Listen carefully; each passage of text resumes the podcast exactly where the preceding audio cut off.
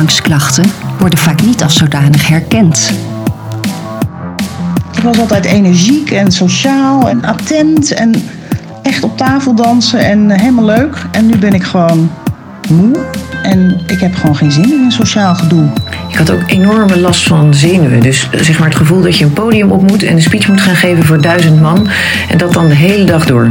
Ik kreeg echt zo'n eh, foggy brain dat ik op, van de ene op de andere dag niet meer kon lezen. Dat wil zeggen, ik kon wel lezen. Ik kon wel uh, gewoon zien wat er stond of zo. Maar ik kon niet focussen.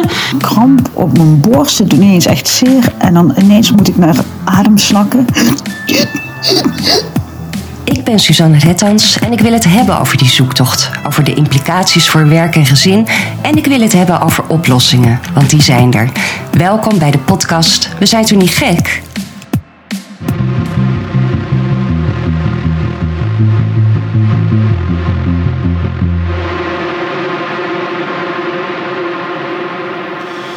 Ja, en voordat wij beginnen met aflevering 7, even een disclaimer.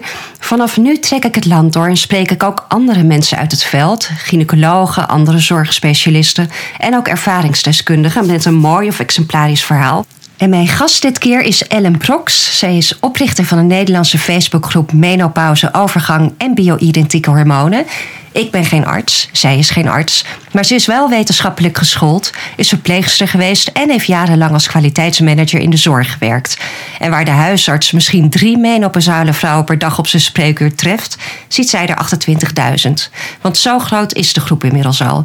Ik zocht haar thuis op en sprak met haar over de noodzaak die blijkbaar bestaat om bij elkaar te raden te gaan. Ja, dat klopt. In Nederland hebben we best nog wel een achterstand als het gaat over bio-identieke hormonen. Um, huisartsen hebben het ontzettend druk, hè. dat hoor je de laatste tijd ook weer steeds meer. En uh, die krijgen ontzettend veel verschillende richtlijnen. En uh, heel vaak uh, zijn ze niet up-to-date. En in Amerika zijn ze... ze verschillende soorten richtlijnen dan? Is er niet gewoon één? Dus, ja, maar ze krijgen verschillende richtlijnen voor verschillende aandoeningen. Ja, ja, ja. Dus zij worden helemaal geprotocoliseerd. Ja. Dus je kunt ook niet verwachten dat zij dat allemaal uit hun hoofd... En, heel, dus zij zitten heel vaak nog in een oude modus of met oude richtlijnen... En ehm, nou, wat we als groep doen, is uh, die richtlijnen uh, meenemen naar de huisarts. Ehm, vrouwen twijfelen vaak om dat te doen, maar huisartsen zijn er vaak heel blij mee. Mm -hmm. En in 99% van de gevallen werkt dat ook heel goed. Mm -hmm. Dus uh, als we 28.000 vrouwen met de richtlijnen naar 28.000 huisartsen kunnen sturen, ja. ja, dat is gewoon, dat heeft een, een ongelooflijk effect. Ik zeg altijd, als jij jouw huisarts de richtlijnen geeft, geldt dat voor alle vrouwen in zijn praktijk. Mm -hmm. Dus uh, nou ja, ja, dat is een beetje de begin, het begin. Maar heeft die huisarts die richtlijn dan niet zelf?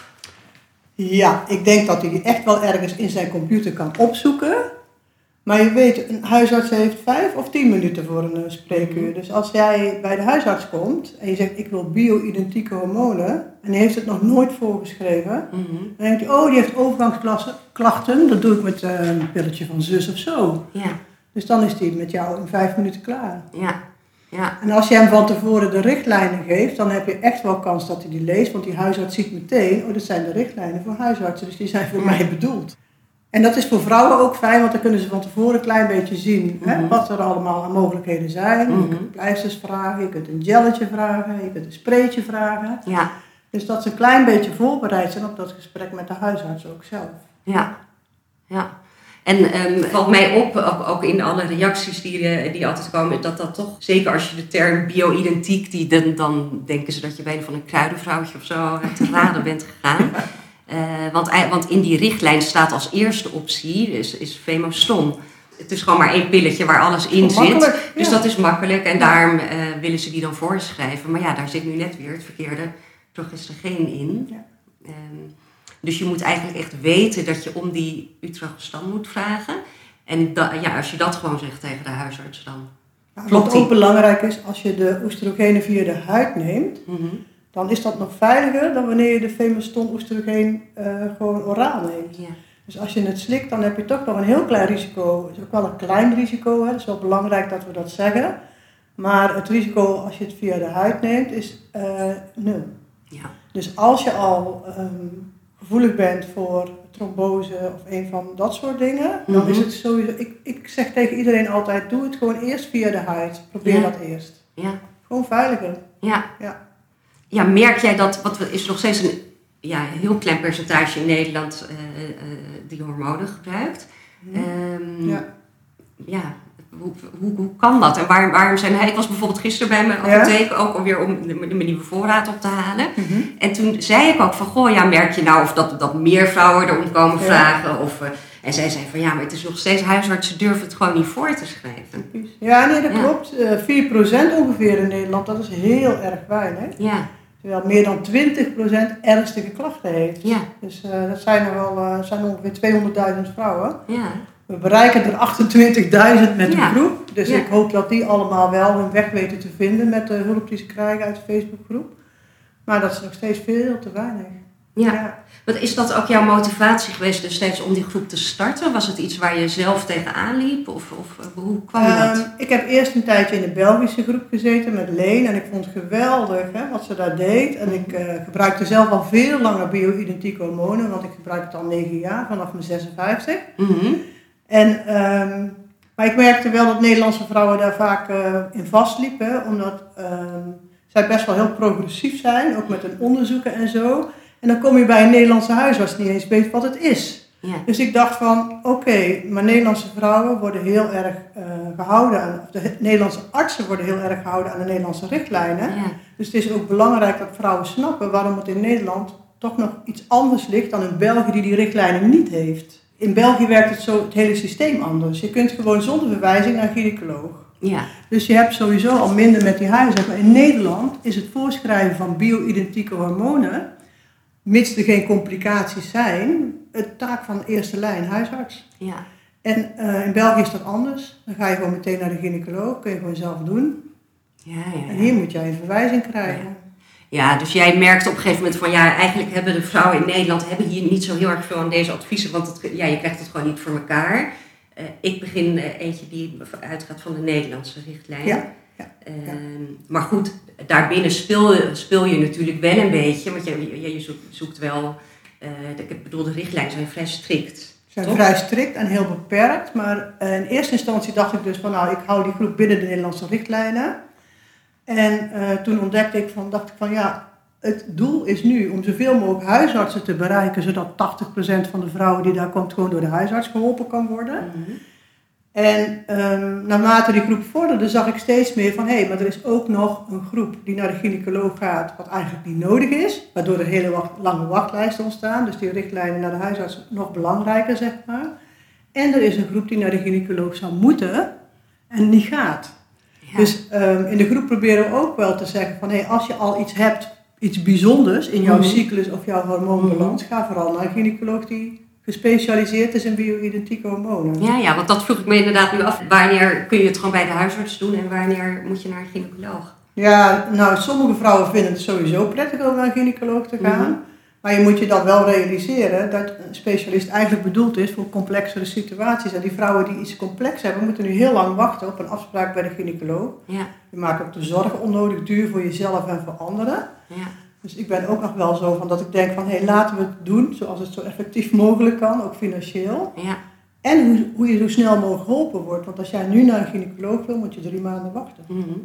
Dus dat is best lang als je heel veel klachten hebt. Ja, En de gynaecologen zijn natuurlijk ook gehouden aan de Nederlandse richtlijnen voor gynaecologen. mhm. Dus die hebben ook, maar die mogen uitzonderingen maken, omdat ze ook met complexere situaties te maken Ja. hebben. Ja, maar ik merk dat, dat de, zeg maar de afstemming in het begin naar, naar wat, welke dosis eh, goed is en, en klachten die weer terugkomen. En eh, ja, dat huisartsen daar, daar ook geen kennis van hebben. Dus dat je toch voor, denk, ja, je hebt toch wat meer begeleiding nodig. Dat is juist heel erg, eh, eh, daar gaat het heel erg mank vaak. Ja, Want die huisarts inderdaad, die schrijft iets voor en die heeft niet in de gaten dat het nog gefine-tuned moet worden. En dat je het eerst drie maanden moet uitproberen en dan ophogen. En geeft totaal geen begeleiding omdat hij geen ervaring heeft. Dus hij zal die ervaring moeten opbouwen. ja, uit de feedback die hij krijgt van de vrouwen die het gebruiken. Nou, daar zijn wij nog lang niet in Nederland. nee. Eh, bij gynaecologen is het zo, zij zijn gebonden aan de DBC's. En zij worden betaald voor vijf, hè, of voor één of twee consulten per jaar. Die vrouw kan niet elke drie maanden terugkomen. Soms gebeurt het dat ze om de drie, maar drie maanden is al lang. Want in het begin krijg je vaak toch wel hè, onzekerheden, klachtjes. eh, Ja. Vragen vrouwen zich af van is dit wel goed? Of moet ik Ja. nu, nu al niet ophogen? Of moet ik juist later? Heel veel vragen. Mm. Die vangen we wel af in de Facebookgroep. Mm. Maar eigenlijk zou een goede begeleiding van een gynaecoloog eh, ja, veel beter zijn. En dan zie je dat de privéklinieken, Ja, ja, die kunnen dus gewoon eh, die begeleiding bieden. ja, En die hebben natuurlijk vanwege hun specialisatie ook veel meer ervaring met veel meer verschillende vrouwen op dit gebied. Dus zij kunnen ook heel erg goed fine-tunen op alle verschillende hormoonbalansen die je kunt hebben als vrouw. Want er zijn er best heel veel. Kunnen zij fine-tunen welke hormonen jij nodig hebt. En het allerbelangrijkste is ook in, in sommige gevallen kun je niet met de normale producten die je bij de apotheek krijgt Mhm. eh, kun je die vrouw niet in balans krijgen. En dan kunnen ze in een privékliniek eh, die hormonen op maat laten maken. ja, ja. En dat wordt alleen in de privéklinieken gedaan. En dan zie ik steeds vaker dat mensen denken, oh ja, maar ik moet met dit pleistertje of met dat product moet het gaan lukken. Maar soms zie je gewoon dat dat het niet lukt. En dan is het fijn als je echt heel nauwkeurig gevolgd wordt, onderzocht wordt, begeleid wordt. ehm, Mhm. Maar, maar je hebt, in principe heb je toch gewoon de, oestrogenen en de progesteron. Meer, eh, meer smaken zijn er niet, toch? Of, of, eh, Ja, Moet je sommige ander- vrouwen nemen de pleister niet goed op of nemen de Ja, gel zo. niet goed op. Ja. Lenzetto eh, zie ik in de groep wel heel vaak wordt voorgeschreven dat het best wel veel bijwerkingen heeft voor vrouwen. oh ja? Terwijl het het meest laag gedoseerde Ja. milde middel zou zijn. En Ja. gek genoeg zie je in de groep dat heel veel vrouwen daarmee worstelen. Dus ehm, nou ja, de pleister is natuurlijk iets wat gelijkmatig opneemt. Maar de eerste dag soms, dat hoor ik dan terug van vrouwen, ik heb het zelf nooit gebruikt. Mhm. Maar de eerste dag meer effectief is dan de laatste dag dat die erop zit. Ja, En bij de gel, ik heb zelf altijd gel en crème gebruikt. Bij de gel merk je dus dat het eh, meteen werkt, vrij direct. En je Mhm. smeert het elke dag. ja. Dus ik vind dat het meest gelijkmatig. En Ja. dat kan ik, na negen jaar kan ik soms denken van nou, bij deze situatie kan ik een klein beetje meer of minder. Ja, Dat, dat kun je na vijf jaar ervaring pas zeggen. ja, Want je moet je eigen cyclus ook heel goed kennen om dat te kunnen doen. Dan raad ik ook nooit iemand aan. ja. Maar dat kun je wel met gel en dat kun je niet met de pleister. Nee, nee. Nee, maar ik heb bijvoorbeeld van mijn, eh, ik heb een hele fijne gynaecoloog ook, die, die, ik heb nu de pleister gekregen, omdat ik dus in het begin zo enorm wist ik ook niet met ophogen. En dan ja, kan je een beetje door de reacties van anderen laten opzwepen, want die zeggen dan, eh, nee, zolang je nog klachten hebt moet je op, eh, ophogen. Nou, zo ben ik enorm gaan ophogen. Ehm, en toen ben ik uiteindelijk bij haar gekomen en zij zei, ik ga je meteen op de pleister zetten, want dan is het gewoon even gereguleerd. Maar ik heb nu wel, ik heb echt gewoon standaard heb ik twee flesjes eh oestrogel staan. Zodat ik kan opvangen als ik nou heel erg stress heb of zo. Ik had één keer bijvoorbeeld, zei ik van nou ik weet niet, het lijkt wel of het voelt als een PMS van vroeger. eh. En toen had ze het inderdaad, daar moet ik aan denken, die cyclus waar jij, ik zei maar ik heb helemaal geen cyclus meer. Maar er blijkt toch Ja. aan de achterkant toch nog wel iets te lopen. Ja, heel bijzonder. Nou ja, soms kun je het voelen op de achtergrond dat je eigen cyclus nog een beetje meedoet. Ja, En daar kun je wel op reageren met oestrogel. Maar Ja. dat is niet wat je mag aanbevelen als je ermee start. Dus ik vind het heel verstandig als, als iemand de neiging heeft om zich te laten beïnvloeden. En dat zie je helaas heel, heel veel. ja, Dat vrouwen heel snel heel veel willen gebruiken, want ze willen van hun klachten af. ja. En ik heb zelf ooit een test gedaan. Mhm. Dat mag eigenlijk ook helemaal niet. Maar ik dacht, nou ik wil het gewoon weten, ook om de groep beter te kunnen informeren. Want ik kreeg dus de indruk dat als je te veel gebruikt, krijg je dezelfde klachten. Ja. En ik ben dus, ik gebruik normaal maar anderhalf pompje. Oestrogel is genoeg, al negen jaar lang. Dus mijn lichaam neemt het goed op. Dat wil niet zeggen dat je weinig nodig hebt. Dat wil Mhm. zeggen dat je lichaam het goed kan Goed opneemt, ja. ja. Maar eh, toen ben ik een eh, periode, ik denk twee maanden ongeveer, ben ik opgehoogd naar vier pompjes. Mhm. En met drie pompjes kreeg ik weer opvliegers. Echt, en geïrriteerd en alle dingen die je hebt bij een te laag Ja. oestrogeen ook. Toen dacht ik, zo gek kan het dus ook werken. Oh, dat is wel grappig dat je dat zegt. Want eh, ik heb ook opeens weer dat ik met nachtzweten, eh, dat dat weer terugkomt. Toen dacht ik, maar hoe kan het nou? Want ik zit toch inmiddels best wel hoog en het is heel lang helemaal stabiel geweest, helemaal goed. Maar ik ben nu dus inderdaad met die pompjes erbij. Toen zei ze al van, nou, dat moet je nu wel weer, want het is nu niet meer nodig, nu die extreme stress weg is. Ehm, zou dat daardoor komen, inderdaad? Dus dat het dan te veel is. Je moet het zelf uitproberen. Je Ja. kunt het alleen ontdekken als je het zelf uitprobeert. En Ja. gewoon jezelf heel goed observeren. Dus je moet best wel goed reflecterend vermogen hebben. Mhm. Wat door je eh, hormoontoevoeging komt. En wat in jouw karakter of in jouw Ja, stresssituatie zit. ja, En dat zie ik heel vaak door elkaar heen lopen. Hè? Dat vrouwen nog heel veel stress hebben van een situatie die ontstaan is door de overgang. Voordat Mhm. ze de hormonen gingen gebruiken. mhm. Want dat kan natuurlijk heel extreem zijn. ja, En de situatie die ontstaat doordat je hormonen te veel of te weinig gebruikt. Dus Ja. het is best wel een ingewikkeld proces ook. ja. Ja. En dus helemaal als dat zo op elkaar lijkt, want inderdaad, als je te veel oestrogeen, dan kun je dat, dat hele gejaagde krijgen, maar ja, wat je ook hebt. Eh, Ja. ja. Ja. Dus dat je heel langzaam opbouwt, Mhm. zodat je de, zeg maar de, het goede level niet mist. Mhm. Want als je het goede level mist, dan weet je niet meer of je te veel of te weinig hebt. Dus daarom zeg ik altijd, doe het nog langzamer dan langzaam opbouwen. Want dan kun je het momentum pakken waarop jij jouw goede dosis hebt. Mhm. En vaak denken vrouwen, oh nee, hoe meer ik sm- d- dat is heel erg eh, eh, hype, hè? hoe meer ik smeer, hoe beter het werkt. Maar Mhm. dat is niet zo. Nee. zo werkt het niet. Nee. En het is ook natuurlijk de balans tussen hè, de drie hormonen. Ja. Dus dat is ook nog super ingewikkeld. Mhm. Want soms denken vrouwen van, ik gebruik eh, te veel oestrogeen, maar dan hebben ze te weinig progesteron. Of ik gebruik te weinig... Dus de, de balans tussen die hormonen, Ja. Ja, dat is best wel vakwerk, zeg maar. Ja. Voor de hele ervaren vrouwen, maar vooral door de hele ervaren gynaecologen en de privéklinieken. Ja. Want die weten van al die vrouwen hoe het werkt. Ja. Jij moet ook feedback krijgen als arts Mhm.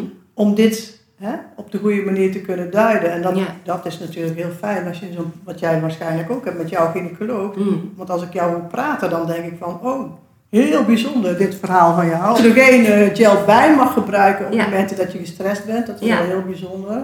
Maar het werkt eh, heel erg goed. Ja, ja. Ja. Maar dat gaan ze nooit zeggen in een, eh, in een Nee, regulier ziekenhuis. Dat gaat zij zeker nooit zeggen. Heel want dat mag gewoon. Ja, dat, Nee. dat mag. Je moet volgens de richtlijnen. Terwijl, ja, ook als je haar hoort praten, ze heeft zo, ze weet zo goed van oh en dit en dat.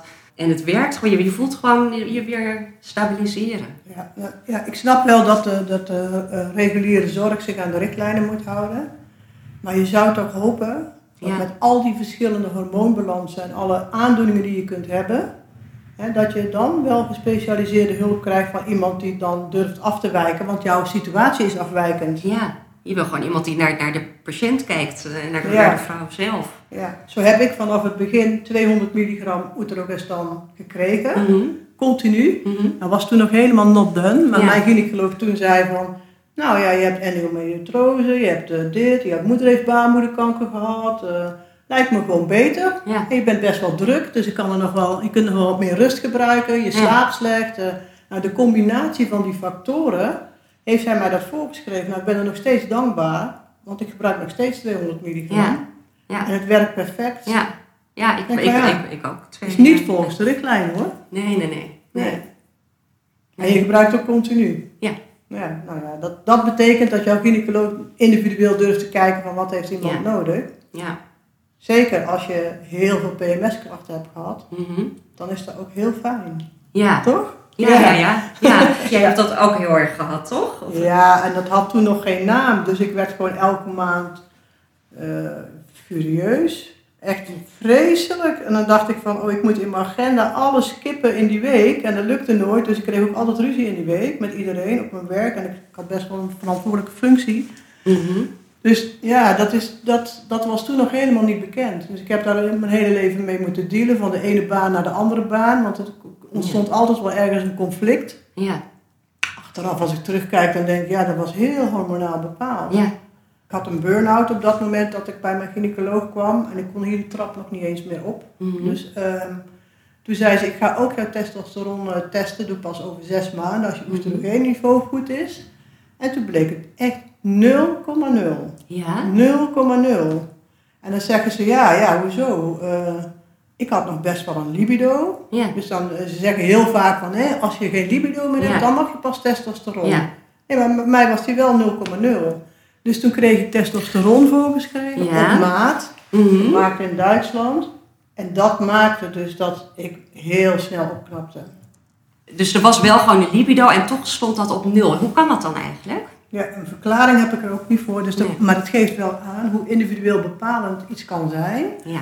En zij heeft mij toen best wel een hoge dosis testosteron voorgeschreven, maar ik was binnen twee weken helemaal terug op mijn niveau wat ik had voordat ik die burn-out kreeg.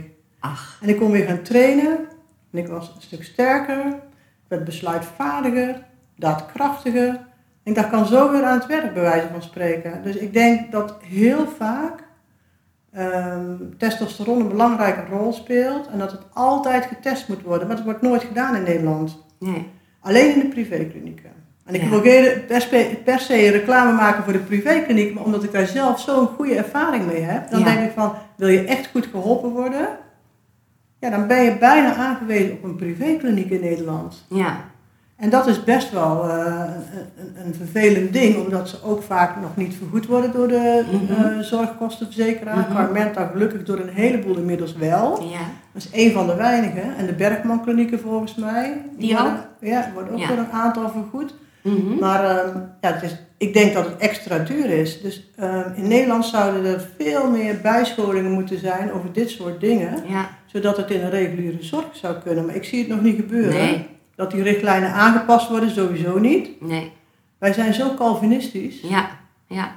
Ja, maar het is ook, ehm, want ik heb, ben hier vaak nog op teruggekomen, ook bij eh, Dorenda. En die, ja, die zegt dan echt van, van, nou ja, maar dat is gewoon niet zo. Alleen heel soms, als vrouwen echt geen libido meer hebben, dan kan het nut hebben. En toen zei ik van, ja, maar als je of, of naar Engelse of Amerikaanse podcast eh, luistert, dan er wordt over zoveel meer gesproken. En ook voor vrouwen die het wel gebruiken, dan hoor je inderdaad die veerkracht en daadkracht en energie en, en eigenlijk gewoon plezier, plezier in het leven. Focus, eh, de brain focus. Ah, ja, het wordt dan echt gezien als het soort, ja, de kers op de taart die, die eigenlijk de hele hormoonsuppletie compleet maakt. Absoluut. Ja, dus Ja. Dat is, ja, als dat de ervaring is van heel veel vrouwen, waarom, waarom zou die mogelijkheid dan niet... eh, Omdat we er nog geen onderzoek naar gedaan hebben. ja, dat is het En vaak. dat wij in Nederland niet ervaringsgericht eh, werken. Dus wij werken echt volgens protocollen en richtlijnen. Dus dat maakt Ja. het heel ingewikkeld. Daar lopen we altijd 30 jaar achter. Hè, bij wijze van. Ja, En ik snap eh, dat de reguliere gynaecologen dat ook lastig vinden. Hè? Want zij weten echt wel, denk ik, dat dat soms belangrijk kan zijn. Maar zij kunnen het niet naar buiten toe. Uitdragen. En je ziet het zelfs bij de privéklinieken. Ja. Dat is niet de eerste keer dat ik een gynaecoloog in een privékliniek hoor zeggen van ik vertel dit jou, maar breng het niet naar buiten. Nee, nee, En ik denk van ik zal het ook nooit met naam en toenaam doen. nee. Maar ik weet wel, als iemand echt hiermee worstelt, naar wie ik, eh, dan zeg ik van oh ga naar die of ga naar die. Ja, ja. Ja, want het is zo zeker binnen die groepen zijn natuurlijk wel, eh, ja, daar zijn de namen bekend van gynaecologen die, die wel gewoon naar de, de vrouw zelf kijken. Ja. En wat ze nodig heeft wel, eh, ja, het zou toch eigenlijk een uitgangspunt moeten zijn van de zorg. Geldt ook voor progesteron voor vrouwen zonder baarmoeder. Hè? Ja, In de richtlijnen zegt men van als je geen baarmoeder hebt, hoef je ook geen progesteron. Dan denk je niet om de baarmoederwand dun te houden, want die heb je niet meer. Maar progesteron heeft heel veel andere functies. ja wat zijn die situaties dan? Nou, soms als je slaappatroon heel slecht is, of dat je niet ingesteld kunt worden op eh oestrogenen. En, eh, jongere vrouwen die eh, hun baarmoeder missen en ook hun eierstokken, en die komen in één keer cold turkey in de overgang. Mhm. En die hebben dan vaak echt wel alle twee nodig om een beetje in balans te kunnen komen. Ja, ja. En ja, dat want het wordt is echt een gedaan. samenspel, hè? Die is- met- ja. ja. Wordt vaak niet gedaan, want het is niet nodig, want je baarmoeder heb je niet meer. En dat is toch wel heel erg kortzichtig, want ik denk dat elke gynaecoloog weet dat progesteron veel meer functies heeft dan Ja. alleen de baarmoederwand dun houden. Ja, In ieder geval, als je het eh, oraal neemt, dan verbetert je je slaap. Je krijgt er veel meer rust van. mhm. Ehm, het is eigenlijk het moederhormoon. Dus eh, sommigen zeggen ook in de groep, dan moet ik altijd wel lachen, het is het happy hormoon. ja, Toch gek genoeg zie je heel vaak dat heel veel vrouwen bang zijn van uterogestan. Ja. En dat komt omdat sommige vrouwen kunnen er echt niet tegen. Maar dat groepje is zo klein, ja, maar het effect wat die paar vrouwen dan hebben op de grote groep die met uterogestan begint, want je moet er wel aan wennen in het begin. Dus je kunt wat maagklachten Ja. krijgen en een beetje weeggevoel onder in je buik. En eh, het zijn allemaal dingen die overgaan. Maar dan zie je toch dat vrouwen heel snel denken, oeh, oeterogestan, dat is akelig, weet Ja. je wel. Ja, En terwijl het ja zo wordt bijna gedaan alsof je sowieso problemen gaat krijgen. Ja, ja, dat is dan ook wel weer het nadeel van zo'n groep. Mhm. Dat je heel vaak, eh, en dat zeg ik ook best wel vaak, hè, je leest hier alleen de dingen die minder goed gaan. En af en toe roep ik vrouwen ook op en ik, laat horen wat het voor je betekent als het goed gaat. Want Ja. dat is nog veel belangrijker. Ja. Dus nou ja, dat zie je soms ook als iemand daar specifiek naar vraagt. Dan Mhm. reageren meteen eh 50 of 100 Ja. vrouwen met allemaal positieve verhalen. ja. En dat geeft je dan ook wel weer het gevoel van, hé, maar ja, dat is wel even een ander beeld dan wat ik krijg, dan wanneer ik al deze problemen of eh, eh, problemen met fine-tuning lees. ja. Want dat is natuurlijk wel, als je bij de huisarts die fine-tuning niet kunt maken, en je kunt maar één keer in de drie maanden bij je gynaecoloog terecht en maximaal Mhm. twee of drie keer op, op jaarbasis, Mhm. ja, dan moet je ergens anders gaan zoeken van hoe je jouw hormonen goed uitgebalanceerd krijgt. Ja. Nou ja, en dat is natuurlijk lastig met zo'n grote groep. Ik kan me voorstellen dat jij daar af en toe tegenaan loopt. Dat iedereen natuurlijk eh, vanuit de beste intenties... Ik heb zelf ook wel eens... Ik had begrepen dat eh, stress oestrogenen eet. Vreet, zo noemen. En zo heb ik dat ook al een paar keer eh, lopen verkondigen. Terwijl juist de progesteron eh, zit. Hoe zit dat dan precies? Nou ja, dit is dus het beeld. En dan vind ik, ja, dat soms kan in een groep ook een beeld ontstaan. Ja, Dat oestrogenen alles oplossen. ja, En dat eh, de grote boosdoener progesteron is. En als dat beeld er eenmaal is, en er komen nog allerlei semi-wetenschappelijke onderzoeken zijn Mhm. PubMed bij, Mhm. hè, die heel algemeen zijn en helemaal maar. PubMed is toch op zich wel... Daar zit, wordt toch het wetenschappelijk onderzoek... eh, Ja, maar het wetenschappelijk onderzoek is heel erg gestandaardiseerd en niet gefine-tuned op jouw individuele behoeften. Dus Nee. alle wetenschappelijke onderzoeken zijn heel algemeen. En wat, wat ik heel vaak zie, en daar ben ik wel bang van, is dat men een stukje neemt uit een, eh, al, uit een wetenschappelijk onderzoekje en dat dan zelf gaat vertalen Ja, naar wat dat betekent voor jouw bio-identieke hormonen. ja, En dat vind ik eng. Want dan krijg je dus een soort van, wij weten de waarheid, want het komt uit het wetenschappelijk onderzoek. Maar de interpretatie van het onderzoek wordt dan verwrongen. ja. En ik zie heel veel van dit soort verwringingen. En ook de overtuigingen die vrouwen hebben, die Mhm. soms eh, bij mij in de groep komen en zeggen: Ja, maar ik heb eh, gehoord dat dit en dat. Maar waar heb je dat gehoord? Ik heb laatst heb ik, had ik iemand die zei van je ehm, progesteron haalt je oestrogeen omlaag. Ongeveer wat jij net zei. Ja, die heb ik ook voorbij zien komen. Ja. En dan denk ik ja. van, wat is dit voor een onlogisch ja, verhaal? Dus- toen ging ik na, doorvragen van, uit welk wetenschappelijk onderzoek heb je dit? Ja, toen Mhm. stuurden ze mij netjes dat PubMed onderzoek. mhm, Toen ging ik dat helemaal analyseren en bleek een hele andere context te hebben. Ja. Maar dit is wel wat nu in een andere groep door 20.000 vrouwen geloofd wordt. Ja, ja, ja. En ook iedereen gaat zeggen. Ja, Dus dat is wel het gevaar van Facebookgroepen. ja.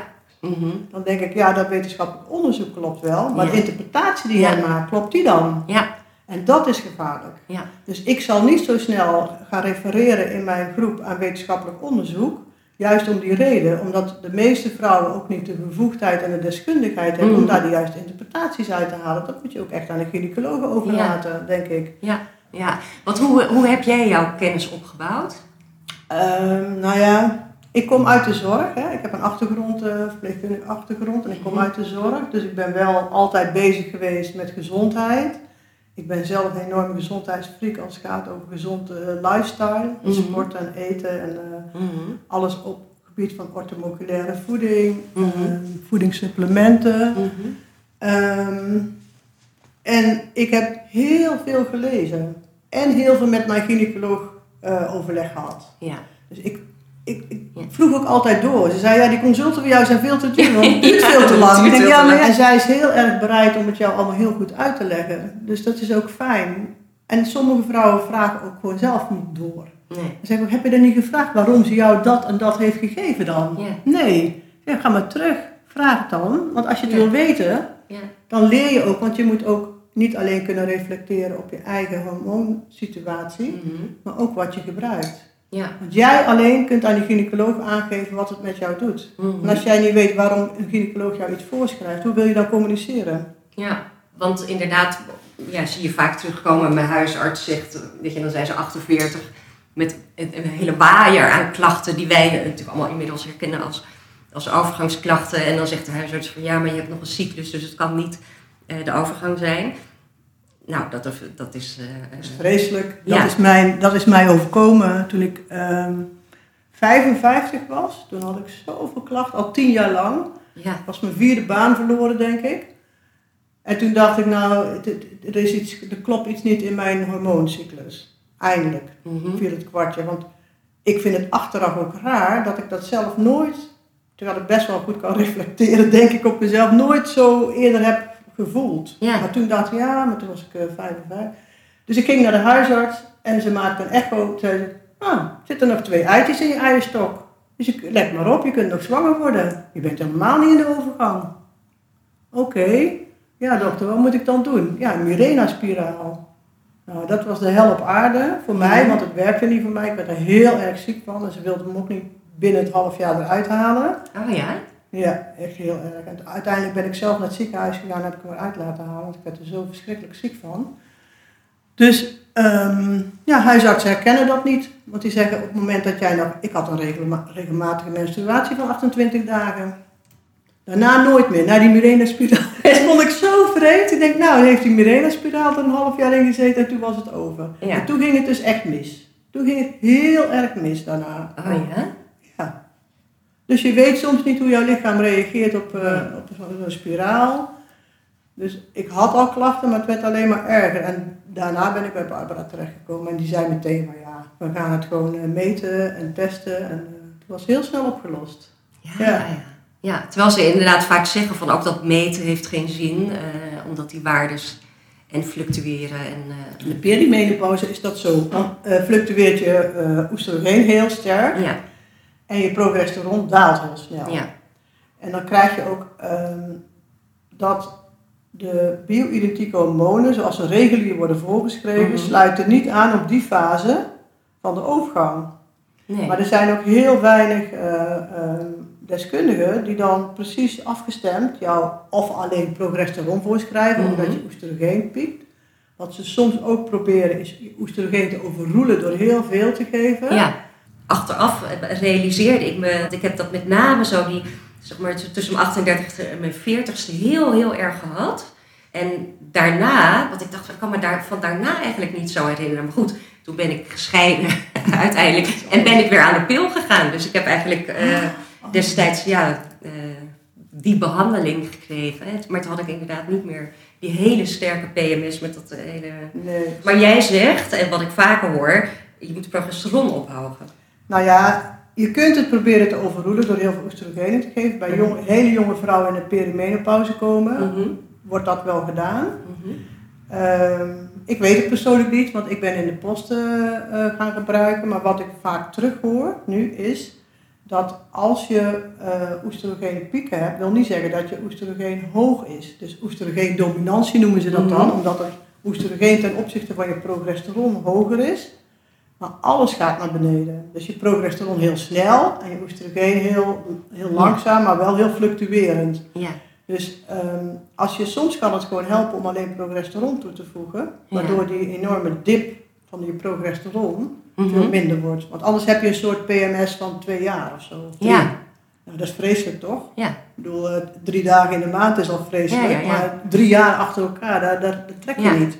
Nee, het was ook echt niet meer beperkt tot de week uh, voor de menstruatie. Ja, dus ik hoor steeds vaker dat vrouwen zeggen: uh, Ik heb uh, alleen progesteron voorgeschreven gekregen. En ik denk, nou, ik ben benieuwd. En ik zie steeds vaker dat heel goed werkt ook. Dus ja.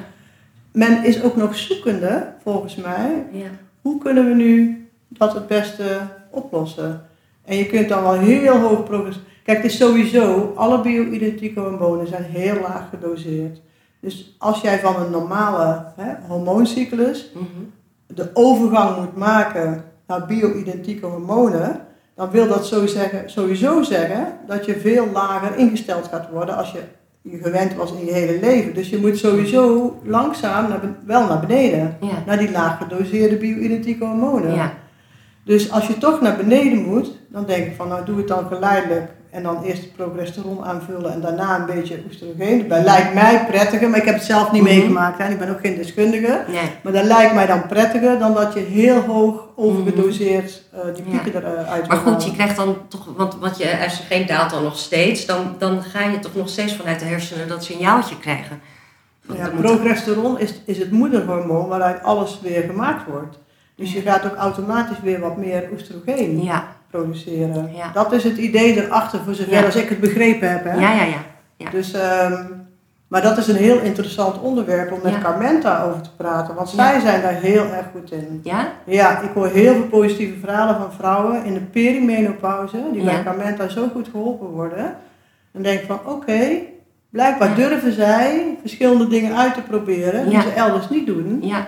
En dat werkt. En dat is dus omdat zij een, een privékliniek zijn. Zijn zij dan minder aan die richtlijnen? ehm, Nou, officieel denk ik dat de richtlijnen voor iedereen gelden, maar sowieso kan, voor, voor zover ik het weet, elke gynaecoloog uitzonderingen maken op basis van complexe situaties. En ik denk dat ze sowieso, eh, als je je eigen privékliniek hebt, dan kun je dat makkelijker dan wanneer Ja. jij verantwoording moet afleggen waarom je de protocollen niet volgt. Dus ik kan Ja. me voorstellen ja, dat het voor een privékliniek makkelijker is om in te spelen op de nieuwe ontwikkelingen ja, eh, om in te spelen op de individuele behoeftes van vrouwen. eh, dan wanneer jij als gynaecoloog verbonden bent aan een ziekenhuis. Maar het blijft me dan toch verbazen dat als die eh, protocollen zo duidelijk niet, ja, nat- natuurlijk niet voor iedereen werken, maar er zijn echt best wel veel vrouwen voor wie dat niet werkt. ehm, ja, dat je daar dan maar zo aan vast blijft houden. Omdat er toch ook gewoon in de, in de huidige richtlijn staat heel duidelijk van ja, je moet de, de laagste dosis eh, waarmee de klachten verholpen zijn. Ja. Dat er dan toch wordt gezegd maximaal twee pompjes. Ja, nee, dat, dat, dat is in Nederland dus het geval, hè? maximaal twee pompjes. Ik denk ook dat 90% van de gevallen dat kan volstaan.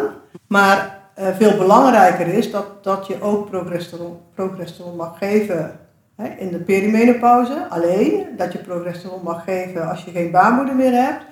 Dat je testosteron gaat testen na zes maanden om te kijken, moeten we dat niet een klein beetje aanvullen, waardoor die vrouw weer wat op kracht komt. Hè, letterlijk en figuurlijk op Ja. kracht komt Ja. dan dat die pompjes veel hoger zouden moeten dan twee. En natuurlijk ehm, krijg je in Nederland echt wel drie of vier als dat nodig is. Daar gaan ze zich echt niet aan houden. Dat is niet het probleem. Maar testosteron bijvoorbeeld, Ja. ja, dat is echt een probleem. Ik heb nog geen regulier ziekenhuis eh, meegemaakt waar iemand dat kreeg. Nee. Of ik heb iets gemist, maar dat zou Ja. kunnen, maar ik heb nog niet eerder gehoord. Ja, maar het vervelende eh, is wat je dan krijgt. Eh, ja, nu gaan eh, vrouwen misschien of zelf een beetje dokteren, of ja, die kunnen het misschien via via dan krijgen en die gaan dat dan zelf doen. Ja, en dan eh, eh, kunnen er ook problemen ontstaan. Ik weet sowieso niet wel op welke probleem met testosteron, maar je kunt dus geen testosteron kopen. Nee, maar misschien in Amerika wel. Ja, dat, dat lijkt me dat er heel weinig vrouwen zijn die dat zullen doen. Kijk, in Nederland mag je bijvoorbeeld ook geen groeihormonen voorschrijven. Mag je in België wel. Dus er zijn Ja. ook in Nederland vrouwen die gaan in België groeihormonen. Als ze echt willen, Ja, dan ga je dat niet voorkomen. Maar dan moet je toch alles via een arts. Je kunt het in, Nee. in Amerika ook niet zo bij de apotheek nee, dat is wat. Ik heb het geprobeerd in, eh, in Italië. Omdat, eh, weet je, voor de zomer hadden we natuurlijk met Utrecht stand was bijna niet te krijgen. Nou, dan kan je wel heel makkelijk eh, Spanje, Portugal. kun je gewoon halen. Ja, daar kun je dat gewoon halen. Dus ik dacht, nu was ik in Italië. Ik dacht, ik ga eens kijken of ik dat... maar dat was ook niet. Dat Ik kreeg geen testosteron. nou, maar dat is ook maar goed, want die dosering die is natuurlijk, dat is wel heel belangrijk. Ja. Dus je moet niet zomaar wat testosteron gaan smeren. Ehm, ja, dus daar moet je wel bij begeleid worden. Dat is absoluut Ja. zo. Ja, dat is Ja. absoluut zo. Dat moet je ook Ja, wat mijn gynaecoloog, wat ik zei nu van, van God, ik zou dat graag willen uitproberen. Omdat ik van sommige vrouwen zo hoor dat ze er enorm van eh, opknappen. Ja, dat je het kunt ook- beter trainen en zo. ja, ja, dat... Minder vaak naar de sportschool voor hetzelfde resultaat. Oh ja? ik merk, tenminste, ja, ik heb altijd veel gesport. Mhm. Maar ik merkte wel, sinds ik testosteron gebruik, is het Mhm. veel effectiever eh, als je sport. Ja, Krachttraining, hè? Echt ja, krachttraining doen. krachttraining. Ja. ja. ja. Ik ga Dus- weer krachttraining. Ik ben benieuwd, ik heb nu dus mijn tweede keer testosteron gesmeerd. Ja. Wat ik wel gisteren, want ik had het gisteren pas om drie uur of zo gehaald. eh, eh, en toen was ik natuurlijk heel benieuwd. Ik dacht, ach, dat doe ik nu alvast één. eh, maar ik heb echt, ja, ik heb zo slecht geslapen. Ik bleef gewoon maar wakker. Kan. Is dat, ja. eh, ja? Ja, ja, ja, zeker. Als je gevoelig bent voor testosteron, kan je dat heel erg wakker houden. Dus dat is dan ben je eindelijk weer lekker aan het slapen op die progesteron. Ja. En dan ga je dus testosteron bijsmeren. Dus je moet vooral 's ochtends Ja, doen. ja, ja, dat heb ik nu. Ik dacht, 's ochtends dat ene likje. En Vooral niet te veel, Nee. om het langzaam op te Ja. bouwen. Ja. En het is ook absoluut zo dat je geen testosteron moet gebruiken als je het zelf nog maakt. Waarom zou je dat dan doen? Hè? Ik bedoel, Mhm. Het is ook heel belangrijk dat ook inderdaad getest wordt of je testosteron echt te laag is. Want Ja. het lijkt ook een soort van hype te worden van oh dat is fijn, want dan heb ik mijn libido Mhm. weer en eh, allerlei andere kwaliteiten die je allemaal wil hebben. Ja. Eh, trainen en eh, besluitvaardigheid en noem maar op. Maar als je het niet nodig hebt, dan moet je het ook niet nemen. Waarom zou je dat doen? Ja. Maar dat wordt dan ook zo'n soort als er in zo'n groep. Want dat Mhm. is dus het gevaar van groepen. Ja. Ik zeg altijd laten testen. Kijk even of je tekort komt. Alleen als je tekort komt is het nodig. Want soms, en het is ook nog zo, want dat heb ik zelf nu, ik heb nu een test laten doen. Mhm. Als je wat ouder wordt, gaat je lichaam toch weer wat meer testosteron maken. Dus ik dacht op een gegeven moment van, oh, ik heb alweer een fijne cremmetje gevraagd nu uit de zelfbereidingsapotheek. Ja. Omdat ik daar lekker vind werken. Maar misschien moet ik het ook even testen van tevoren of het echt wel nodig is. Ja. Ja. Dus ja, het is niet zomaar een dingetje. Hè? Je hormonen zijn best wel heel bepalend voor hoe je bent, hoe je je voelt. Ja. Ja. Ja, veel meer dan je eh, van tevoren zou denken. Het is eigenlijk pas als het dan helemaal uit balans gaat komen dat je doorkrijgt hoe, hoezeer dat, nou ja, met alle neurotransmitters. eh, En hoe lang duurt het nog voordat je het door hebt? Hè? Want Mhm. meestal hebben vrouwen echt jaren al last voordat Mhm. ze in de gaten hebben van hé, hey, dit is echt de overgang. Zie ik ook in de groep dat vrouwen denken, oh ja, maar ik heb ook fibromyalgie en ik heb ook dit en ik heb ook zus, Mhm. dus het is allemaal allemaal daar.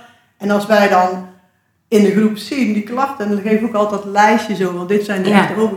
Nou, dan zitten er Ja. 9 van de 10 zijn gewoon echte overgangsklachten. Ja. Dus ja, en toch zie je het zelf niet. Ja. Ik heb het zelf ook gehad, hè, dat ik dacht van ja, ik heb gewoon een rare, ik ben gewoon een raar mens.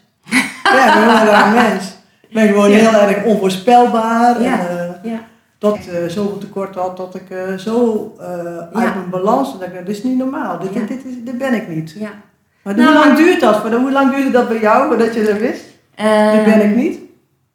Nou ja, eh, nou, bij mij het was meer dat ik aan mezelf ging twijfelen en aan mijn, eh, eh, mijn kunnen als moeder, zeg maar.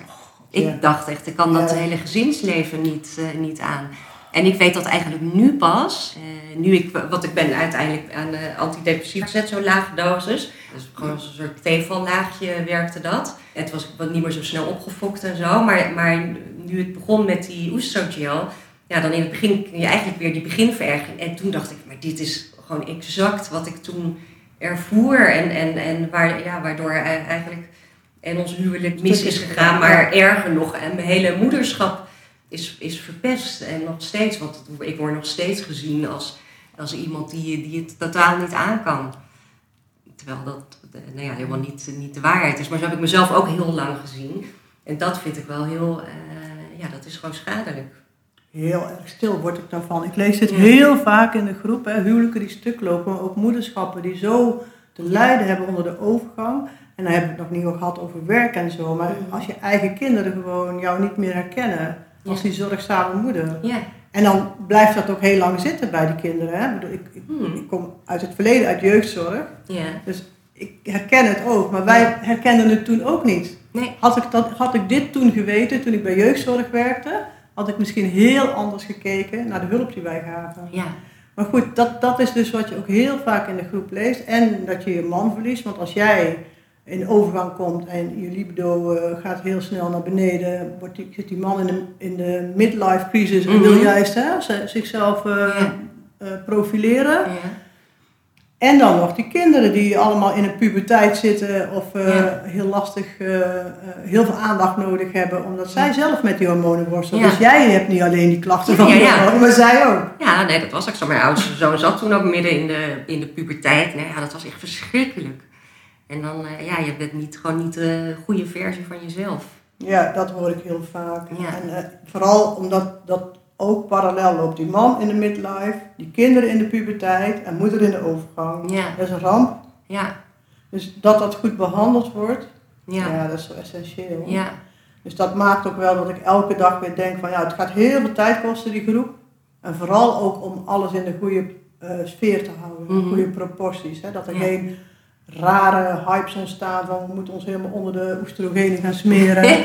ja. Hè? Of Ja. dingen wetenschappelijk bewezen zijn waarvan ik denk van oeh, nou ik weet het ook niet helemaal zeker, Ja. maar dit lijkt me niet verstandig om dat te zeggen. Ja, Dus ja, je moet zo'n groep wel de hele dag monitoren. Wil je de, de, het waarheidsgehalte, zeg maar, eh, en dan gaat het alleen maar om uitwisselen van ervaringsdeskundigheid. Hè, dat we met elkaar kunnen zeggen van ik heb dit ervaren en jij dat en eh, hè, misschien Mhm. moet ik zus of zo. Mhm. En om elkaar de weg te wijzen hè, bij welke arts en hoe moet ik daar voorbereid naartoe gaan. ja, Meer dan dat moet je niet willen, Nee. want dat is al heel veel. ja. Ik, ik heb het altijd heel prettig gevonden om allebei de groepen Tuurlijk. Te volgen. Ja. Omdat je altijd wel een beetje voelt wat, wat nou ja, je, je, je pikt iets op of niet. Ja. En bovendien, eigenlijk dat wat achter in de bestanden staat, dat, is, dat komt best wel overeen. Dat is gewoon, eh, nou ja... de, eh, ja, natuurlijk is dat hetzelfde. Ook die Belgische groep heeft bijna 30.000 leden of zo. ja, Dus ik denk, je, kunt, je moet je nagaan. Hoeveel vrouwen, ja, en, en dat lees ik ook elke dag, hè, want ik ben zo blij dat ik dit gevonden heb. Anders was Ja. ik nooit op het idee gekomen, Ja. überhaupt dat ik in de overgang zat. En dat je het ook nog kon behandelen met bio-identieke hormonen. Dus ik zeg altijd van nou, hoe meer aandacht ervoor is, hoe beter. Er is nu een nieuwe actiegroep eh, pas Mhm. opgestaan. Nou, dat vind ik ook helemaal geweldig. Ja. Er komt ook dat mooie document uit voort, zag Ja. ik. Eh, dus het is ook, ja, alleen maar beter. En ook op tv zie je zoveel aandacht voor Mhm. de overgang op dit moment. Dus elke keer als ik een programma zie, dan denk ik, oh, vlug in de groep zetten, dat iedereen Ja. kan kijken. ja, Of alle mensen die het nog niet weten hoe het werkt. Dus het is wel heel fijn als er zoveel mogelijk aandacht is. En ik denk dat is ook nodig, want Dorenda gaat dat niet alleen redden. nee. Hè? En ik vind het wel heel goed dat zij met psychiater en cardioloog samenwerkt. Want die Mhm. Ja. dingen hangen zo met elkaar samen. Ja, ja, En dan denk ik van, maar eigenlijk, hè, als jij als vrouw bij de huisarts komt, die kent, ja, ik ken mijn huisarts al van kinds af aan, mhm. van eh, vroeger. Maar ik denk, die, niemand kent mij beter dan mijn huisarts. ja, Dus je zou toch hopen ja, dat hij dan dat totaalbeeld heeft. Als ik het aan mijn hart zou hebben, heb ik niet. Maar stel dat het zo was. Hè, Mhm. Of eh, psychische klachten wel. Want ik, ze dachten dat ik een burn-out had. Hè. mhm. Dan Ja. denk ik van, je zou toch hopen dat hij die know-how heeft om dat totaal overzicht. Want hij heeft jouw hele complete dossier. Ja. Dus Ja. eigenlijk zou die huisarts veel meer nog de speel moeten worden die die vrouwen goed begeleidt. ja, ja. Ja, en dus moeten ze denk ik veel meer op, op, op die eh bijscholingscursus. Absoluut. Ja. Ik hoor ook wel vaak dat huisartsen het vervelend vinden als vrouwen met heel veel informatie komen. Dus ik zeg neem alleen de richtlijnen mee. Ja, En niet allerlei onderzoeken, Nee. want dan heeft je huisarts ook het gevoel van eh, Ja. dat hij overspoeld wordt. ja, Dus je- zag ook in Nederland op een gegeven moment wel wat irritatie ontstaan bij gynaecologen ook en bij huisartsen. Doordat vrouwen ja. eh, tot de tanden toe bewapend. bewapend eh, Ja. daar gingen zitten en eh, bijna met de vuist op tafel sloegen wat ze Ja. wilden hebben. Dan denk ik van, en dan sla je helemaal de plank mis. Want jij moet toch jouw anamnese wel goed delen, Mhm. zodat de gynaecoloog de juiste inschatting voor jou kan maken. En denk nou niet dat alles op te lossen is op de manier waarop jij denkt dat het Ja. werkt. Dus Ja. ga vooral een relatie opbouwen met je gynaecoloog. Ja, Of met je met, huisarts. met je huisarts. Ja. Want dit is wel de, ja, de kracht die, die dat soort groepen kan hebben. Is dat je toch eh, ja, vrouwen in beweging kunt, eh, kunt krijgen. En de grote groep, hè? Dus Mhm. als je met 28.000 eh, vrouwen de Ja. richtlijnen kunt eh, rondbrengen, Ja, Ja, dat is heel belangrijk. Ik denk de kracht van de, de grootte van de groep ja, maakt wel dat je een behoorlijk bereik kunt hebben. ja, Ja, hoe meer huisartsen we bereiken, hoe beter. ja, En ik denk, jij, er is niemand die jou beter kent dan je huisarts. Dus probeer het vooral op te lossen met je huisarts. Ja. eerst. ja. ja. Nou, ehm dankjewel. Ja, en een goede relatie met je huisarts is onontbeerlijk. Dus je kunt hem of haar zachtjes in de goede richting bewegen. En volgende keer zit hier gynaecoloog en seksuoloog Lisanne Bauma, oprichter van Carmenta, waar we het eerder al over hadden. Voor het geval je er niet uitkomt met je huisarts. Tot dan!